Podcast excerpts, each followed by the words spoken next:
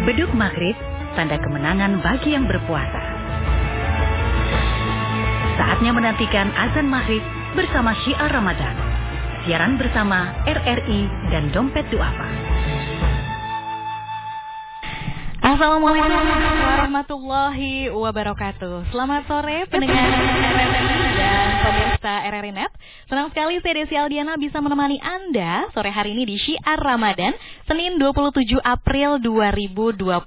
Alhamdulillah pada kesempatan ini acara kita merupakan siaran bersama antara Radio Republik Indonesia dan Dompet Duafa. Dan tentunya bisa Anda dengarkan melalui Pro 1, Pro 2, Pro 4, dan juga RRI Programa 3 Jaringan Berita Nasional serta bisa Anda saksikan juga melalui RRI Net Radio Visual ya. Dan tidak lupa juga saya ajak Anda untuk bergabung melalui WhatsApp di 0812 1234 921 atau bisa juga melalui line telepon di 021 344 0696 atau di 021 344 1499. Oke. Okay? Baik pendengar RRI dan pemirsa RRI Net, sore hari ini kita akan membahas sebuah tema yang menarik yaitu mengenai wakaf produktif. Nah, apa itu wakaf produktif?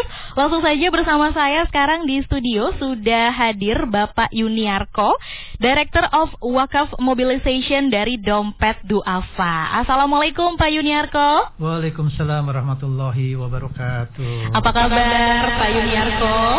Alhamdulillah. Alhamdulillah Sehat, baik ya. Masih puasa? Insya Allah. Insya Allah. Insya Allah puasa. Nanggung ya Pak, tinggal beberapa menit lagi ya Pak ya. Oke, dan eh, pada sore hari ini kita akan membahas mengenai wakaf produktif ya. Siap, siap. Apa sebenarnya wakaf produktif? Oh, gitu ya. Apakah ada wakaf tidak produktif juga? Oke. Wakaf, wakaf itu adalah salah satu dari cabangnya sedekah. Umumnya sedekah. Sedekah itu ada dua kan. Ada yang wajib, ada yang tidak wajib. Yang wajib namanya zakat zakat atau nafkah. Yang tidak wajib itu ada dua. Sedekah biasa yang pahalanya satu kali, yang sifatnya konsumtif ya. Sedekah konsumtif. Dan ada juga yang kedua nih. Sedekah yang bukan konsumtif. Mhm. Ada sedekah yang sosial, ada sedekah yang produktif. Oke. Nah, sedekah yang tidak konsumtif namanya wakaf. Yang tidak konsumtif Nah, ya. namanya Oke. wakaf. Mhm. Hmm. Oke. Sekarang kenapa itu wakaf tidak konsumtif? Misalnya ada bagi dua lagi, ada yang ibadah sosial ya. Seperti orang berwakaf kuburan, tanah kuburan, ya. tanahnya dijadikan kuburan atau makam, banyak ya. Mhm. Kemudian ada juga yang berwakaf tanahnya untuk dibangun masjid, ya, Oke. untuk ibadah. Nah, ini namanya ibadah sosial. ya. Oke. Satu lagi cabangnya lagi namanya wakaf produktif. Mhm. Nah, apa itu wakaf produktif? Wakaf produktif itu yaitu berwakaf benda Mhm. produktif. Misalnya, saya berwakaf nih tanah nanti tanah ini dibangunkan misalnya rumah sakit misalnya. Mhm. Oke. Dibangunkan uh, ruko, dibangunkan uh, hotel ya. Hotel syariah tentunya ya. Dibangunkan lagi misalnya apalagi kantin atau segala macam yang produksi yang bisa dikelola secara komersial ya, menghasilkan keuntungan. Oke. Nah keuntungannya ini yang disedekahkan untuk orang miskin. Makanya ini, nah ini produktif. Jadi produk hasil produktifnya ini yang disedekahkan menjadi uh, sedekah yang berkelanjutan.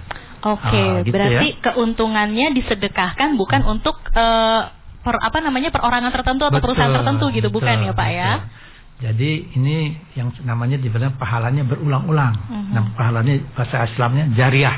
Hmm. Jadi kita bersedekah, yang bahasa yang orang pintar nih. Sekali bersedekah, pahalanya berulang-ulang. Mhm. Ya. Selama asetnya ini wakaf produknya ini bermanfaat terus, mengalirkan manfaat, nah di situ dia mendapatkan aliran pahala. Oke. Ya. Kalau konsumtif kan sekali. Iya. Konsumtif kasih makan udah selesai. Nah, pahalanya sekali aja. Hmm. Tapi kalau hebatnya ini wakaf produktif berulang-ulang. Ya. Oke. Luar Jadi eh, apa namanya wakaf produktif ini adalah eh, bisa berupa apa saja sebenarnya. Kalau misalnya eh, tadi bapak contohkan misalnya Hmm. tanah atau atau bangunan yang uh, mungkin dibuat uh, hotel syariah yeah. atau dibikin kantin. Tapi uh, kalau kalau berbentuk uh, bukan bangunan gitu bisa nggak sih Pak Yuniarko? Iya.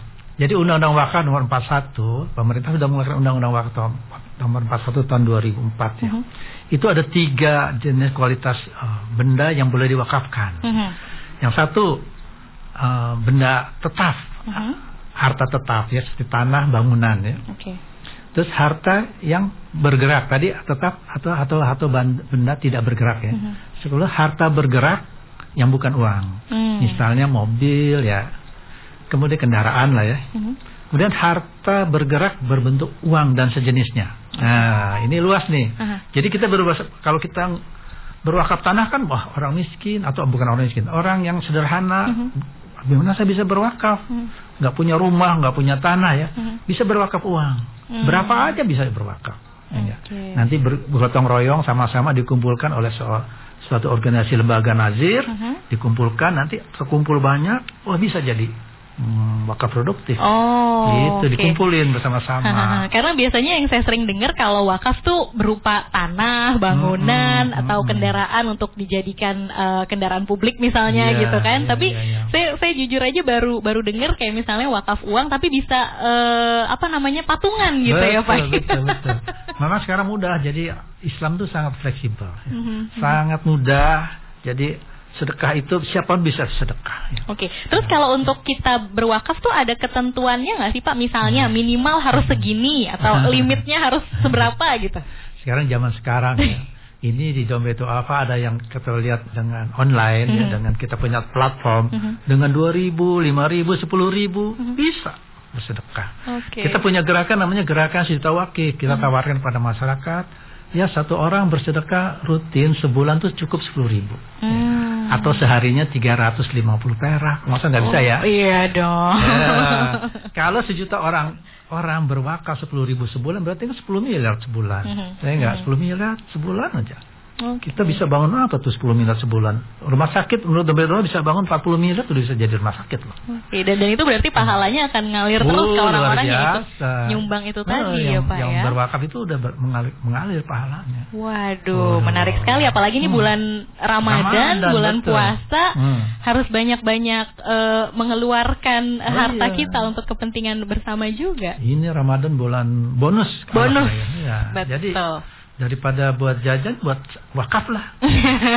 Kalau dulu ah sedekah lah. Ya buat konsumtif kan. Ah mm-hmm. ada lagi sepuluh ribu biasa jadi benda wakaf nih. Ya. Produktif kan okay. pahalanya mengalir jariah terus menerus menerus ya. mm-hmm. itu yang namanya wakaf produktif, produktif. berarti jadi ya. nanti misalnya jadi benda produktif di rumah sakit mm-hmm. dikelola mm-hmm. secara komersial mm-hmm. nanti keuntungannya nih bang diwakafkan mm-hmm. keuntungannya disedekahkan buat orang miskin okay. ya. setiap ada keuntungan sedekah jadi berulang-ulang kan Mm-hmm. Rumah sakit itu kan umurnya nggak terbatas terus mm-hmm. terus terus keuntungannya ini merupakan sedekah yang jariah nah, luar biasa okay. ya. luar biasa ya nah hmm. untuk uh, anda juga nih pendengar RRI dan pemirsa RRI Net yang mau bertanya dengan Bapak Yuniarko silahkan anda bisa menghubungi 0213441499 atau 0213440696 atau bisa juga melalui WhatsApp di 0812 1234912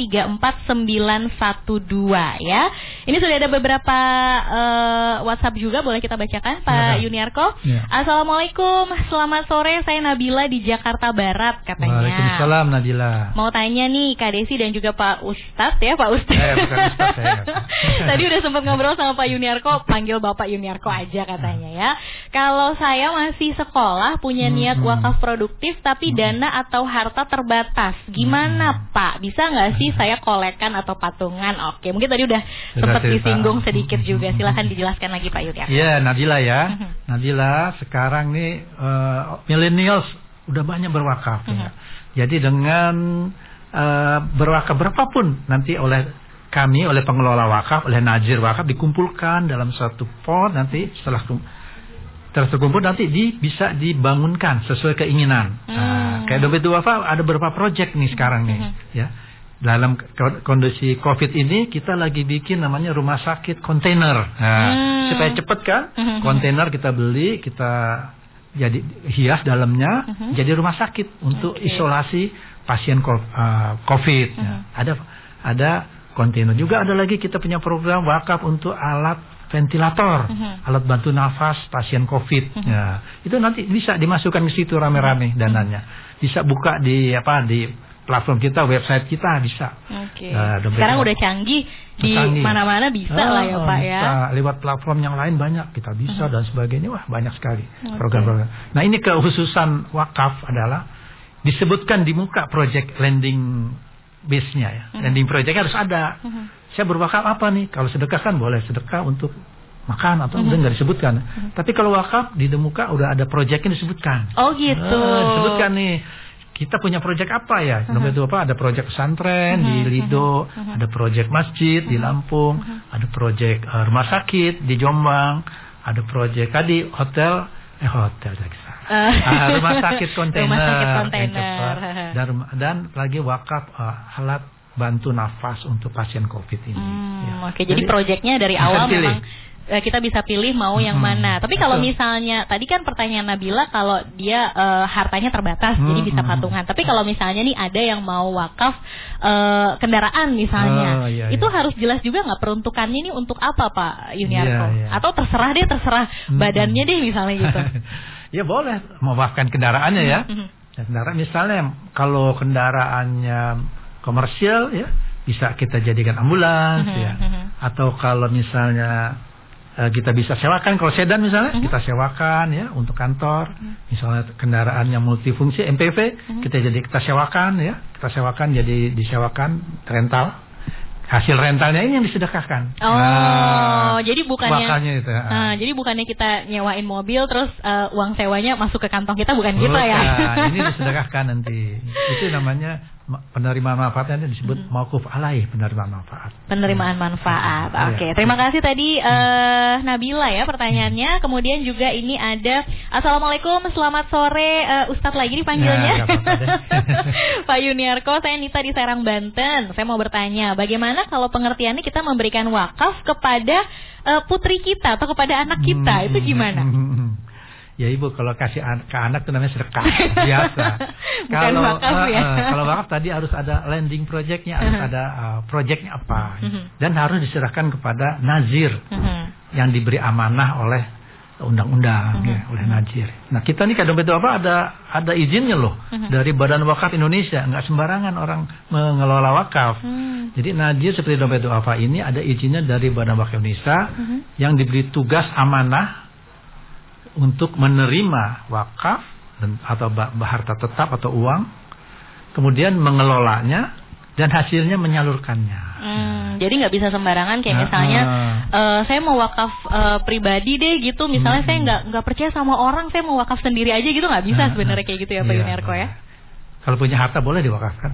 Oke tapi melalui nazir, itu Nazir, ya, tadi nazir, ya dan ya. itu sudah diatur juga Diatur oleh melalui eh, undang-undang. Betul, ya betul. Oke saya undang lagi nih untuk pendengar RRI dan pemirsa RRI Net untuk yang mau bergabung melalui WhatsApp silahkan jangan lupa tulis nama dan eh, lokasi anda di mana bisa ke 0812 1234912 atau bisa juga melalui telepon di 021 344 1499 atau di 344 0696 ya.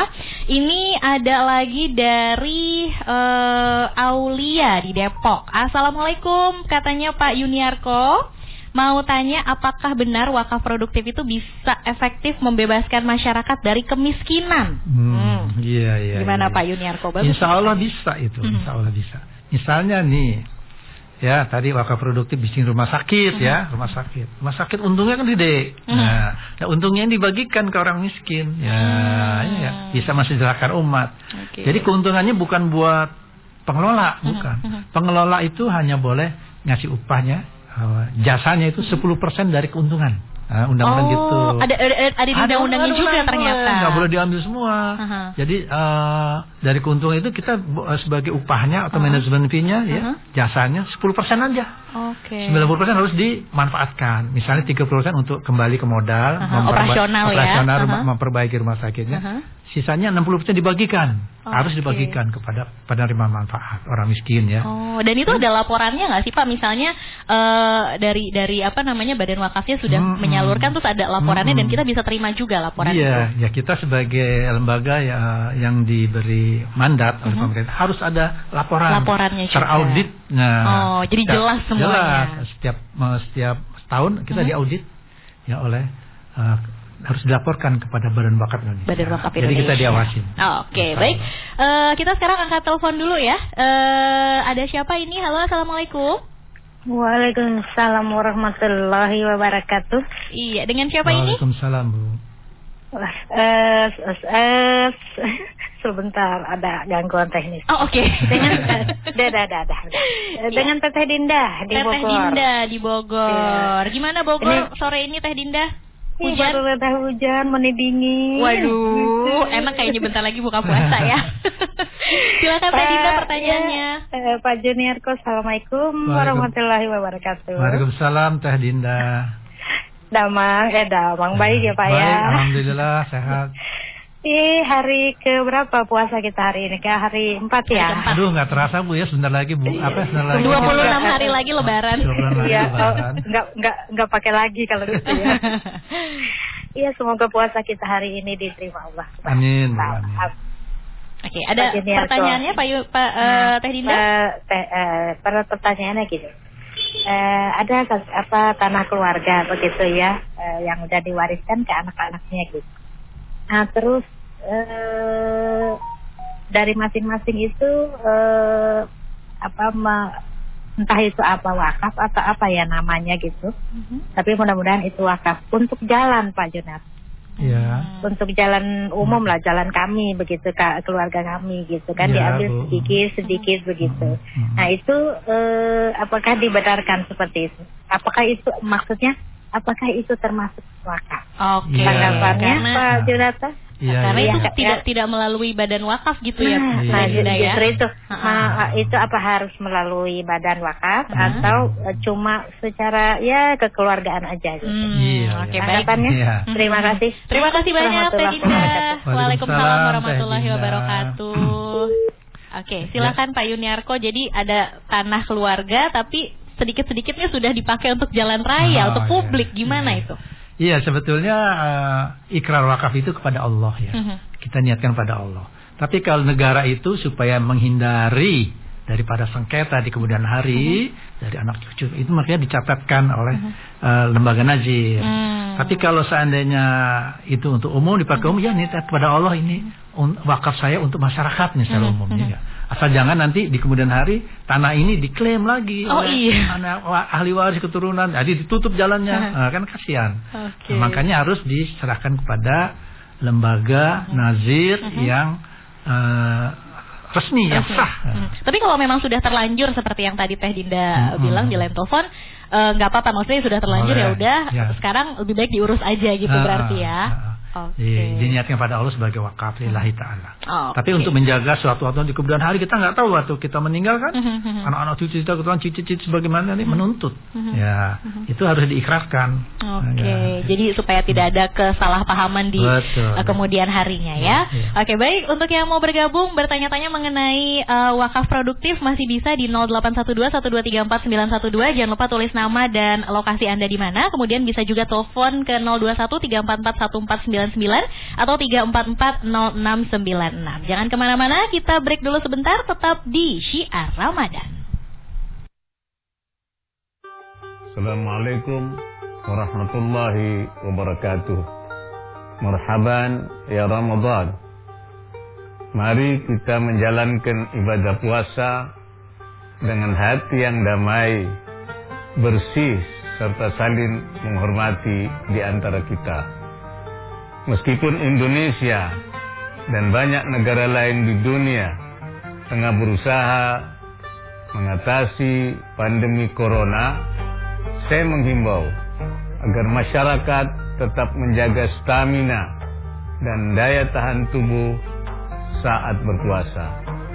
Kita perlu terus melakukan perilaku hidup bersih dan sehat, mengkonsumsi makanan bergizi serta tetap menjaga waspadaan dengan tidak bepergian dan menghindari keramaian agar dapat mengurangi potensi penyebaran virus.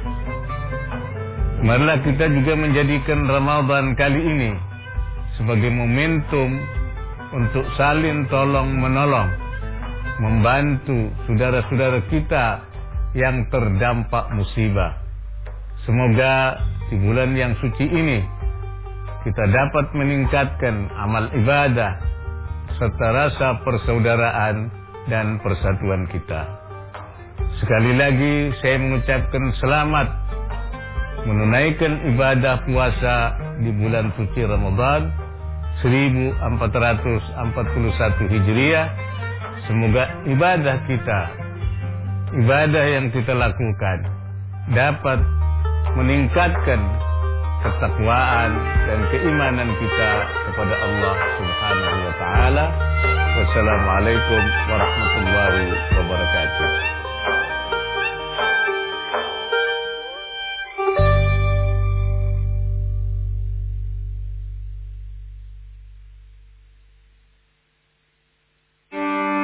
Tausiah Ramadan. Tausiah Ramadan live dari Masjid Istiqlal, Jakarta. Dalam Islam, ada tiga istilah yang menarik untuk kita kaji. Ada yang namanya sabar dalam pengertian sabir. Seharusnya mampu melawan tapi dia maafkan, itu sabir. Tausiah Ramadan, setiap hari pukul 20 lewat 5 menit waktu Indonesia Barat di Pro 1, Pro 2, Pro 3, dan Pro 4 di seluruh Indonesia. Tausiah Ramadan, kerjasama RRI dengan Badan Pelaksana Pengelola Masjid Istiqlal, Jakarta. Syiar Ramadan, siaran bersama RRI dan Dompet Duafa. Ya, baik uh, pendengar RRI dan pemirsa RRI Net di mana pun Anda berada, kita masih dalam Syiar Ramadan, masih bersama dengan Bapak Yuniarko, Director of Wakaf Mobilization dari Dompet Duafa ya. Tadi banyak sekali pertanyaan yang masuk, kita sudah menjelaskan mengenai wakaf produktif ya. ya Jadi wakaf produktif ini adalah uh, pahalanya bisa mengalir terus ke kita selama uh, aset atau benda tersebut masih uh, terus digunakan ya Pak ya, uh, Yuniarko ya. Ini juga ada banyak sekali beberapa pertanyaan yang masuk di uh, WhatsApp ya. Untuk Anda juga yang masih bertanya silahkan di 0812 1234 912 atau bisa juga melalui line telepon di 021 344 1499 atau 344 0696. Nah, mengenai uh, wakaf produktif tadi Pak Yuniarko sudah sempat menjelaskan juga sedikit mengenai beberapa program yang ada di uh, Dompet Duafa. Nah, itu bisa dijelaskan lagi nggak sih Pak kalau uh, di dompet duafa sendiri programnya bisa kita akses melalui apa, kemudian uh, ada minimalnya atau tidak kita harus menyumbang berapa gitu Pak Yuniarko. Hmm. Ya terima kasih Mbak Desi. Jadi dompet duafa sebagai lembaga wakaf yang sudah berusia 26 tahun. Uh -huh. Kita mengelola wakaf dari beberapa bidang. Uh -huh. Ada bidang kesehatan, ya wakaf bidang kesehatan, wakaf uh -huh. bidang pendidikan, okay. wakaf bidang sosial atau dakwah ya. Maka bidang kesehatan kita punya berapa uh, proyek ya. Seperti rumah sakit di Jombang yang sedang kita bangun. Uh -huh. Itu wak, tanahnya wakaf dari uh, Yayasan Tebu Ireng. Hmm. Tebu Ireng. Tanahnya diberikan, diwakafkan satu hektar. Uh -huh. Kemudian darinya kita crowdfunding. Uh -huh. Kita kumpulkan nanti untuk bangun satu rumah sakit. Sekarang kondisinya sudah 80% selesai. Uh -huh. Kemudian ada juga wakaf uh, kesehatan. kesehatan. Tadi kesehatan ya. Uh -huh juga selain uh, rumah sakit di sana ada uh, rumah sakit kontainer hmm. yang kita akan bangun nanti di letaknya di Pulau Mas Jakarta. Pulau Mas, oke. Okay. Dalam tahun ini berarti ini ya Pak sedang, ya? sedang berjalan. Sedang berjalan. Minggu depan Insya Allah udah hmm. bisa jalan. Bidang uh, keagamaan dakwah hmm. kita lagi bangun masjid hmm. di Lampung hmm. di Bukit Kemuning namanya. Okay. Ada wakif yang mewakafkan tanahnya 1,7 hektar. Hmm. Kita bangun masjid, nanti kita bangun prasana lainnya lah di situ. Hmm. Ya. Kemudian tadi bidang pendidikan juga. Pendidikan ada orang berwakaf luar biasa. Uh-huh. Ada seorang berwakaf dua hektar tanah di Liduk. Hmm. Di depan proyek uh, Disneylandnya Donald Trump. Wah, luar biasa. Nanti kita akan bangun di sana pesantren. Okay. Hafiz Village. Ya. Uh-huh. Pesantren Hafiz Village. Ya. Luar biasa nanti insya Allah. Jadi depannya Disneyland, di sini ada orang... Uh, uh, mengaji, mengaji ya, menghafal Al-Quran luar biasa itu. Okay. Jadi tinggal pilih nanti mau yang mana nih para wakil yang sudah berniat untuk berwakaf seperti luar biasa wakafnya itu ya. Kalau kita contoh dalam sejarah Utsman bin Affan uh-huh. 1400 tahun yang lalu berwakaf seumur Kemudian sekarang berkembang, berkembang, berkembang. Wakaf kebun kurma sekarang tahun 2016 yang lalu dibangun hotel Hmm. bintang 5 di di Madinah dikelola oleh Sheraton. Ya. Untungnya setahun 115 miliar rupiah kalau nggak salah. Dan itu pahalanya Oh, buat Usman bin Affan terus itu mengalir walaupun walaupun orangnya sudah eh, wafat sudah meninggal dunia tapi Wah, pahalanya terus pahala mengalir. Itu. Di, di akhirat dia udah tinggal, wah, Wah. nggak punya mesin ATM jadi menerima, menerima pahala terus. Bayangin Usman bin Affan 1400 yang tahun yang lalu sekarang masih aset produknya masih, ada. Masih ada. di Madinah. Oke, biasa. dan Ya? itu yang yang eh, patut dijadikan contoh juga ya. Betul. Kalau misalnya kita eh, mau mewakafkan eh, harta benda Hmm. atau kalau memang tadi seperti ada yang WhatsApp juga eh, pengen wakaf produktif tapi hartanya terbatas bisa juga gitu Bergabung, kan bergabung pat- pat- patungan. ya. Iya. Oke, kita bacain WhatsApp lagi nih ada eh, Anggian di Medan. Assalamualaikum Mbak Desi dan juga Pak eh, Yuniarko Hmm. ya. Apa saja perbedaan definisi dan penerapan wakaf menurut empat mazhab dan bagaimana Hmm. menyelesaikan persoalan sengketa wakaf yang mana dua pihak berbeda mazhab katanya. Oh, Waduh, iya, iya, ini iya. pertanyaannya udah mulai rumit ya. Ya memang itulah dinamikanya Islam kan gitu Mhm. ada berapa mazhab ya. Tapi eh, kita berpegang di Indonesia Mhm. Itu udah ada undang-undang Oke. undang-undang dari wakaf Indonesia undang-undang nomor eh, 41 tahun 2004 nah Mhm. itu udah udah di melted udah diambil beberapa pandangan dari beberapa mazhab Oke. nah kita supaya nggak berbeda kita pakai undang-undang ini Mhm. yang para ulama sudah mengkajinya dan sebagainya dan juga orang-orang pintar di Indonesia sudah merangkum dalam satu undang-undang Hmm. Iya. ada wakaf uang wakaf benda bergerak dan sebagainya kita merujuk ke undang-undang saja Insya Allah Insya Allah itu udah Insya Allah udah Terus paling sama, tidak ada beda. aman ya, tidak Aman, ada ya. perbedaan lagi. tidak jadi berbeda eh, di kemudian hari tidak ada lagi yang Mm-mm. insya Allah nanti jadi masalah takutnya ya Betul, Pak betul. Yuniarko ya. Ya, Oke terima kasih tadi eh, Anggian di Medan ya. Salam untuk orang-orang di Medan juga yang sedang mendengarkan syiar Ramadan pada eh, sore hari ini. Dan eh, kemudian ada lagi dari eh, Assalamualaikum katanya Pak Yuniarko.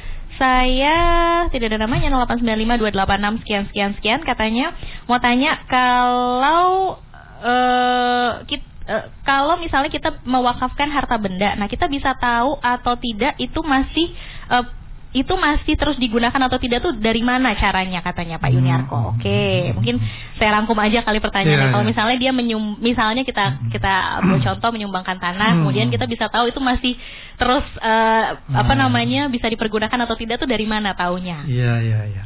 Ya itu kalau orang berwakaf harta tetap, semisal tanah, ya Hmm. bangunan itu kan tanahnya itu akan nanti harus dikonversi dari sertifikat eh, hak milik ya. Hmm. Kita konversi ke badan pertanahan menjadi sertifikat wakaf. Mhm. Nah, jadi ber- beralih pro- eh, kepemilikannya dari pemilik seseorang menjadi milik Allah. Hmm. Ya, jadi sertifikat itu jadi milik Allah, tanah itu jadi milik Allah, nggak berani siapa pun mengelola, mengutak Oke, atik. Ya. oh. Jadi jadi harta itu jadi milik Allah. Ya. Kalau berarti arti kita menyerahkan kepada Allah. Oke. Dompet dafa atau nazilah ini hanya hak mengelola saja, Hmm. diberi mana untuk mengelola saja. Oke. Ya. Jadi aman lah insya Allah. Aman lah insya Allah Panjang ya. masa. Oke, kita angkat eh, penelpon terakhir ya. Ini Ya. eh, ada siapa di line telepon? Halo, assalamualaikum. Waalaikumsalam warahmatullahi wabarakatuh, Iya. Mbak Desi dan Iya. Pak Ustadz. Ya. Dengan Ibu Yanwar di Bogor ini Pak Ustadz, Mbak Desi. Iya, silakan Ibu Yanwar pertanyaannya singkat saja. Iya Pak Ustadz, eh, saya itu eh, punya sebenarnya sih saudara saya yang punya amanah dari orang-orang tua gitu kan, karena Bu. hasil dari pen- dari hasil penjualan eh, rumah Ya. itu diwakafkan Ya. untuk eh, membangun atau membeli Mhm. sebuah eh, majelis taklim begitu ya Ustadz ya. Ya. Nah, uangnya itu sampai sekarang itu masih diendapkan Ustadz, belum Ya. dibeli-belikan, belum Mhm. dibangun-bangun majelis taklim begitu Ustadz. Ya. Nah, kalau sampai bertahun-tahun tidak di amanat tersebut atau wakaf Mhm. tersebut tidak diwujudkan, Iya. nah apa hukumnya Ustadz? Karena Iya. kita kan takut juga apakah kita wajib Mhm. mengingatkan saudara kita yang diberi amanat untuk mewakafkan itu Ustadz? Iya. Hmm, oke. Iya, Hmm. ya itu saja Ustadz. Terima kasih. Terima kasih. Waalaikumsalam Ibu. Ibu Yanwar di Bogor. Silahkan Iya. Pak Yuniarko. Memang eh, yang paling berat bagi seorang itu adalah memegang amanah, Bu. Mhm, Ya, ya. mhm. Paling berat itu memegang alam amanah. Makanya amanah itu harus segera dilaksanakan. Hmm. Khawatir nanti sebelum dilaksanakan kita meninggal lagi. Hmm. Gimana? Dibawa nanti. Nah kita menanggung alam. Jadi sebisa-bisanya segera dilaksanakan amanah itu. Hmm. Amanah, karena amanah itu harus dilaksanakan. Oke, jadi Ya. kita mengingatkan Ya, wajib ya. hukumnya mengingatkan Wajib, ya betul, Pak ya. betul, betul. Oke oke oke baik kalau gitu eh, karena waktu kita terbatas tapi sebenarnya pembahasannya makin menarik ya. Betul, betul. Mungkin kalau misalnya masih ada yang mau bertanya dengan Pak eh, Yuniarko bisa menghubungi dompet duafa. Baik, ya. Eh, ada informasi lagi yang mau disampaikan mungkin Pak Yuniarko untuk pendengar Iya. RRI? Sebagai kesimpulan aja ya, Mhm. kesimpulan bahwa bahwa orang yang paling cerdas itu adalah orang yang selalu mengingat mati kata kata Rasulullah. Nah, mengingat mati itu juga selalu mempersiapkan bekal untuk matinya. Nah, iya. Dan sebaik-baik bekal untuk kematian adalah wakaf. Karena wakaf itu mengalihkan pahala jariah tiada henti selamanya. Ya, Oke. itu aja. Oke, Terima kasih baik. ya. Terima kasih banyak Pak Yuniarko, Director of Wakaf Mobilization dari Dompet Dua Alfa atas waktunya sore hari ini. Mudah-mudahan nanti di lain kesempatan kita bisa ngobrol lagi, Insya Pak. Allah, Mbak bisa Desi. ketemu Insya lagi Allah. Senang pastinya hati, senang ya. hati. Terima kasih juga untuk eh, pendengar RRI dan pemirsa RRI Net yang sudah mendengarkan syiar Ramadan. Kita akan ikuti eh, azan maghrib sesaat lagi, jadi tetap di RRI. Telah kita ikuti syiar Ramadan Siaran bersama RRI dan Dompet Duafa.